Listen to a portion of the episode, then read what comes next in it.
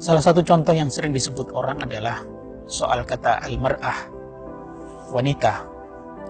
Al-mar'ah sering disebut kalmir'ah, seperti cermin.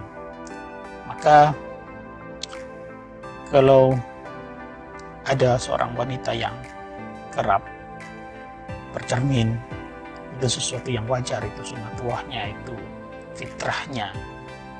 Karena memang seorang wanita bahasa Arab disebutnya seperti itu al-mar'ah kal tapi yang sering kali dilupakan adalah bahwa dalam bahasa Arab laki-laki lawan dari wanita yang mar'ah dalam bahasa Arabnya laki-laki dalam bahasa Arabnya adalah ar-rajul ar-rajul sendiri kalau dalam filsafat bahasanya kalau tadi al-mar'ah ar-rajul disebutkan bahwa ar-rajulu karijli.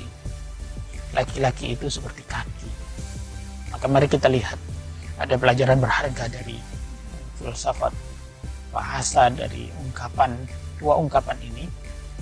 Kalau wanita memang pada umumnya dicintai karena ya dia layak dilihat ya karena laki-laki memang makhluk visual gitu ya karena jangan marah kalau ada orang yang mencintai anda sebagai wanita karena Anda cantik begitu ya. Jangan juga berharap kepada orang lain untuk mencintai Anda karena Allah atau karena apa, karena apa ya. Tapi pada umumnya laki-laki ya, sebagai makhluk visual mencintai Anda kaum wanita karena Anda cantik. Tapi begitupun dalam konteks ar-rajul kerijili itu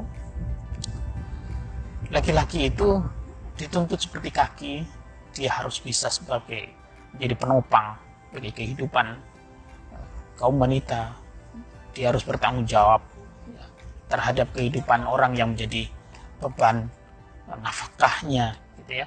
Karenanya jangan juga marah kalau ada wanita yang mencintai anda karena anda sudah mapan gitu ya.